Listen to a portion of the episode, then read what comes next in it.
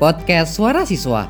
Di sini, kalian bakalan tahu pengalaman mengenai sekolah dan dunia kampus yang bisa buat senyum dan ketawa sendiri karena ceritanya yang asik.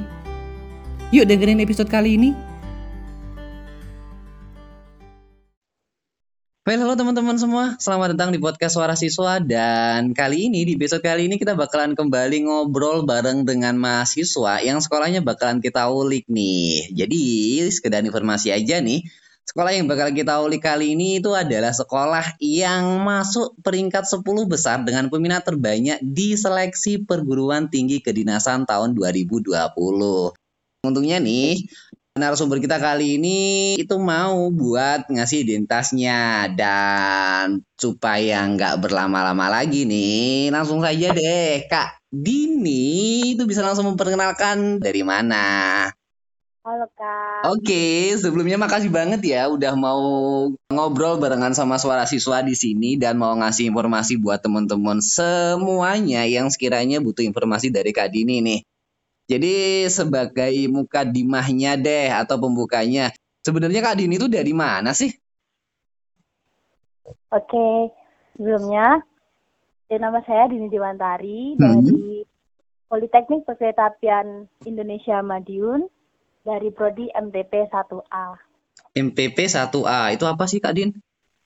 MTP itu manajemen transportasi perkeretaapian. Oke, jadi uh, sekolahnya Kak Dini ini dia masuk dalam salah satu perguruan tinggi kedinasan yang saat ini banyak banget diminati ya. Ketika kita lihat di hari terakhir pendaftarannya itu sekolah Kak Dini ini atau Politeknik Perkeretaapian Indonesia ini dia masuk peringkat 10 besar dengan peminat terbanyak. Lah, sebelumnya bisa dikasih tahu dulu nggak uh, Politeknik Perkeretaapian Indonesia itu dia letaknya ada di mana, terus di dalamnya ada jurusan apa aja. Mungkin informasi yang sekiranya dibutuhkan buat teman-teman bisa Kak Dini jelasin di sini. Oh, oke. Okay. Politeknik Perkeretaapian Indonesia Madiun itu ada di Madiun, tepatnya hmm. di Jalan Tirta pojok Nambangan Lor, Kecamatan Manguharjo. Di Madiun itu terdapat tiga jalur uh, untuk masuknya itu jalur jadi jalur polbit atau pola pembibitan, jalur reguler dan jalur mandiri. Politeknik Perkeretaapian Indonesia Madiun itu ada empat prodi, uh, yang satu manajemen transportasi perkeretaapian, teknologi mekanika perkeretaapian, teknologi elektro perkeretaapian, dan teknologi bangunan dan jalan perkeretaapian. Hmm. Jadi tadi kan disebutin ya kalau di Politeknik Perkeretaapian Indonesia yang tepatnya ada di Madiun itu dia punya beberapa jalur buat jadi mahasiswanya. Bisa dijelasin nggak perbedaan jalur-jalurnya itu gimana sih? Kalau di pola pembibitan itu polbit itu di ikatan dinas ya. Jadi kalau kita itu lulus di jalur polbit itu langsung penempatan kerja. Hmm. Dan kebetulan PPI Madiun itu polbitnya ikut polbit pusat. Jadi kita nanti penempatannya di seluruh Indonesia. Harus siap ditempatkan di seluruh Indonesia. Gitu. Kalau jalur reguler dan mandiri itu nanti dia lulus masuknya di BUMN-nya. Seperti hmm. LRT, MRT, PT LAN, dan lain-lain. Hmm. Jadi kalau yang jalur pertama di pola pembibitan itu intinya berhubung dia itu masuknya atau tesnya via BKN atau akun yang biasanya digunakan buat seleksi uh, CPNS, lulus berarti bisa langsung jadi CPNS begitu ya Kadin ya? Benar banget. Oke, jadi uh, itu tadi ya perbedaannya. Kalau teman-teman sekiranya masih dirasa bingung, jadi tes atau jalur yang pola pembibitan, yang satunya juga jalur reguler. Mungkin perbedaannya kalau di pola pembibitan itu dia lulus kerjanya langsung jadi PNS, siap buat ditempatkan di seluruh Indonesia. Benar. Kalau yang reguler itu di BUMN-nya. Ya kayak di LRT, MRT, KCI seperti itu. Hmm. Di tapi ya. Dan bedanya kalau di Polbit itu kita tidak bayar. Jadi kita hanya bayar uang makan saja. Kalau di reguler itu masih bayar uang semester dan uang makan. Hmm, jadi ada bedanya lagi ya selain selain lulus itu uh, kerjanya gimana? Untuk biayanya juga ada perbedaan ya. Bisa dijelasin secara detail nggak sih Kak Din gimana maksudnya itu? Uh, kalau di pola pembibitan kita itu kuliah dibayarin oleh negara. Jadi uh, uang per, biaya perkuliahan seperti UKT itu dibayar oleh pemerintah. Kita tidak usah membayar karena kita emang di situ bekerja untuk pemerintah bakalnya kalau lulus di Polbit itu dan kalau di reguler dan mandiri itu untuk pembayaran tetap membayar uang UKT untuk per semesternya dan uang makan. Hmm. Nggak usah perlu bayar karena kita emang habis lulus di jalur Polbit itu kita langsung mengabdi di negara. Hmm, jadi uh, yang membedakan mungkin kalau yang di pola pembibitan itu dia hanya ngeluarin uang buat buat yang non akademik gitu nggak sih bahasanya? Benar. Jadi buat makan, buat apa lagi ya? Buat tempat tinggal karena kan kalau di pola pembibitannya Politeknik ternyata gimana? Kalau tempat tinggal kayak asrama, uang asrama itu enggak karena itu udah masuk penunjang untuk akademis kan, Mas. Oh, gitu. Hanya cuma buat uang makan saja, ya. Dan kalau kalau boleh tahu range-nya itu berapaan sih? Uh, kalau buat range-nya itu buat uang makan ya, mm -hmm. itu sekitar satu juta seratus enam puluh ribu untuk angkatan saya. Kalau angkatan ke depan belum tahu karena setiap angkatan kemungkinan ada perubahan dalam nominalnya. Itu Jadi, per semester atau per bulan? per bulan kalau uang makan. Oh gitu. Jadi gitu ya yang jadi uh, pembeda mungkin jelas banget ketika kalau dia di pola pembibitan lulus dia bisa jadi langsung PNS artinya kalian harus bersedia untuk buat ditepatin ke seluruh Indonesia terus yang jadi pembeda lagi adanya pembeda di uang UKT. Jadi kalau di uang UKT di pola pembibitan itu dia dibiayai sama negara karena emang kan lulus langsung mengabdi pada negara. Kalau yang reguler itu ya ada uang UKT-nya gitu ya. Jadi mungkin kesimpulannya kalau buat perbedaan antara pola pembibitan sama yang pola reguler. Terus Uh, mungkin apa sih informasi yang sekiranya bisa Kak Dini kasih tahu ke teman-teman semuanya yang sekiranya itu banyak orang masih belum tahu tentang perguruan tinggi kedinasan pada umumnya atau Kak Dini ingin ngasih tahu secara detail tentang Politeknik Perkeretapian Indonesia yang ada di Madiun. Oke, oke. Jadi gini ya, Kak ya, manggilnya Kak ya, Kak. di PPI Madiun mungkin belum banyak orang yang tahu karena emang PPI Madiun itu baru berdiri 2014. Terus denger-denger nih, katanya kalau di Politeknik Perkeretaapian Indonesia itu sistemnya dia menganut sistem taruna taruni, bener nggak sih? Bener banget. Jadi kita sistemnya di dalam itu taruna dan taruni. Kalau taruni tingkat satu itu taruna muda, kalau taruna tingkat dua itu taruna madya dan taruna tingkat tiga itu taruna dewasa. Hmm, bisa disebutin bedanya bedanya nggak sih tadi? Ya itu bedanya karena kita tingkat satu, jadi kita masih baru, masih kecil di di sana, jadi kita taruna muda. Kalau hmm. taruna tingkat dua atau yang udah ke semester empat dan lima itu taruna madya namanya. Hmm. Dan ya taruna tertua di sana itu namanya taruna dewasa. Oh, berarti uh, sebutannya taruna atau apa ya golongan golongan taruna atau apa sih bahasanya itu uh, sesuai dengan angkatan gitu nggak sih? Jadi angkatan yang paling tua, jangan yang paling tua deh. Angkatan yang paling senior itu dinamakan taruna tingkat tiga itu paling senior ya di sana karena di PPI Madiun tuh hanya ada diploma tiga belum ada diploma empat oh hmm, hmm.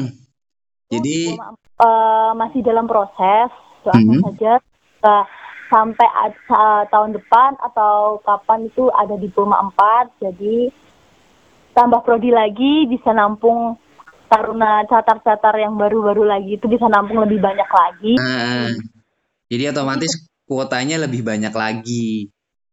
Nanti kesempatan masuknya lebih besar lagi. Bener banget tuh. Nih, uh, banyak teman-teman yang takut nih ketika dengar taruna ataupun taruni karena mungkin mindsetnya bakalan bakalan serem ataupun bakalan apa ya menakutkan gitu deh.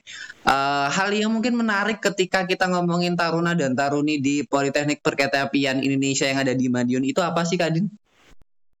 Taruna taruni mungkin itu kesannya itu uh, lebih ke serem, pasti nanti ada senioritas seperti mm -hmm. itu. Tapi kenyataannya di dalam sana tidak untuk kakak-kakak tingkat dua dan tiga tiga itu sangat mengayomi adik-adiknya. Jadi kalau adik-adiknya butuh apa dan ketika adiknya tidak bisa IB ataupun pesiar, pasti kakak-kakaknya itu nolong adiknya. Kayak adik mau titip apa buat kebutuhan seperti itu. Jadi untuk senioritas itu itu hanya hoax hoax saja. Itu hanya takut-takutan orang di luar saja yang mungkin udah ke doktrin kalau di kedinasan itu pasti ada senioritas, pasti ada kekerasan seperti itu. Tapi di dunia nyatanya itu nggak hmm. ada.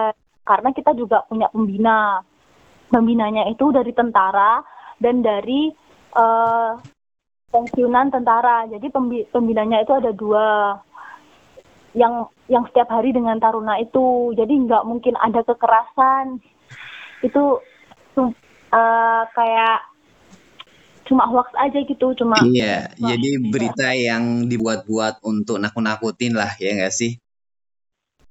Karena emang kan kedinasan banyak peminatnya. Mm -hmm. jadi waktu itu biar orang-orang tuh takut biar ah nggak jadi ah daftar kedinasan di sekolah uh, mahasiswa biasa aja sekolah di eh, tempat-tempat uh, yang nggak ada sistem senioritasnya aja. Aslinya itu nggak ada seperti itu. Ikatan dinas itu enak banget loh. Kita cuma kuliah dibayarin negara itu lulus kita udah dapat pekerjaan. Kurang enak gimana kan?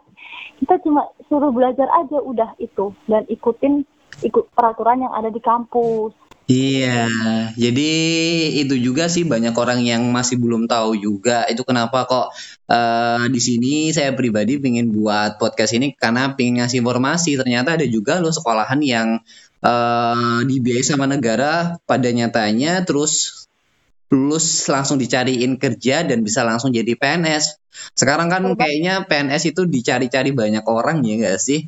Lah, jadi ini mungkin bisa jadi salah satu alternatif buat teman-teman yang baru lulus dari SMA ataupun teman-teman yang masih berada di SMA kelas 1 ataupun kelas 2 bisa jadi uh, salah satu opsi buat membahagiakan orang tua. Siapa sih yang nggak pengen membahagiakan orang tua kan ya? Jadi uh, bisa jadi salah satu yang bisa teman-teman jadikan pilihan ketika teman-teman ingin melanjutkan ke jenjang yang lebih tinggi.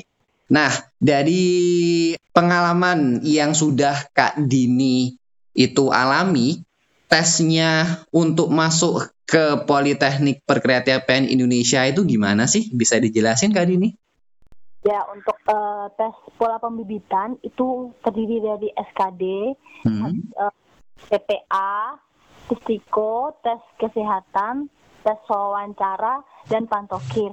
Jadi kalau di Polbit itu kita harus melewati tahap tahap tahap SKD karena itu SKD itu untuk menentukan tes PNS itu kan pasti ada tes SKD-nya. Iya benar.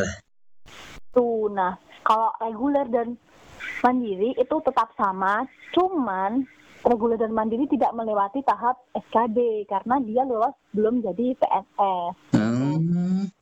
Kemungkinan tahun ini dengar-dengar itu tidak ada TPA, tapi kita tetap um, Iya, jadi terkadang itu banyak juga orang yang uh, menyepelekan isu jadi menelan mentah-mentah isu oh mentah-mentah ke depan eh ada isu ke depannya bakalan nggak ada tes ini okay. kita malah menyepelekan gitu kan ya jadi sebisa mungkin uh, dipersiapkan lah intinya matang-matang materi yang sekiranya itu bisa kalian gunakan atau yang harus kalian persiapkan ketika pengen lanjut ke perguruan tinggi baik itu yang kedinasan ataupun yang universitas biasa gitu ya.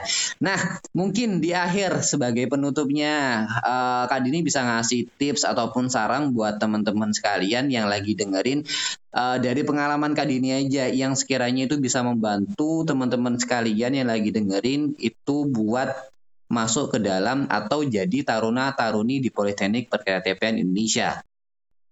Baik. Kuncinya itu jangan capek, jangan lelah untuk mencoba dan jangan takut gagal. Karena kalau ketika kita gagal dan kita itu tidak mau bangkit lagi, itu yang yang ada hanya penyesalan. Kalau misalnya mau mendaftar atau mau melakukan sesuatu yang kita inginkan, jangan lupa usaha, berdoa, dan minta restu kedua orang tua. Karena restu kedua orang tua itu juga restu dari Tuhan. Iya, jadi intinya tetap berusaha lah, tetap berusaha, tetap ikhtiar, entah itu usahanya belajar, belajar sih yang paling penting kan ya belajar, jangan nyerah, karena terkadang emang uh, males itu bisa buat kita untuk menyepelekan belajar. Jadi tetap ya. semangat buat belajar. Ada satu lagi kak. Apa tuh? Jangan terlalu percaya dengan hoax-hoax yang ada di luar. Mm -hmm.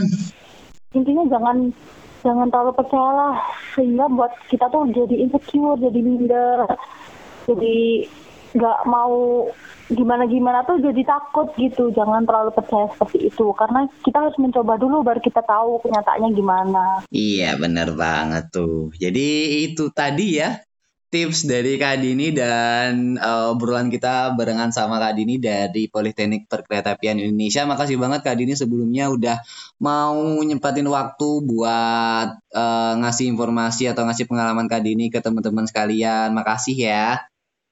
Makasih. Oke. Okay. Episode selanjutnya bakalan lebih seru loh. Yuk dengerin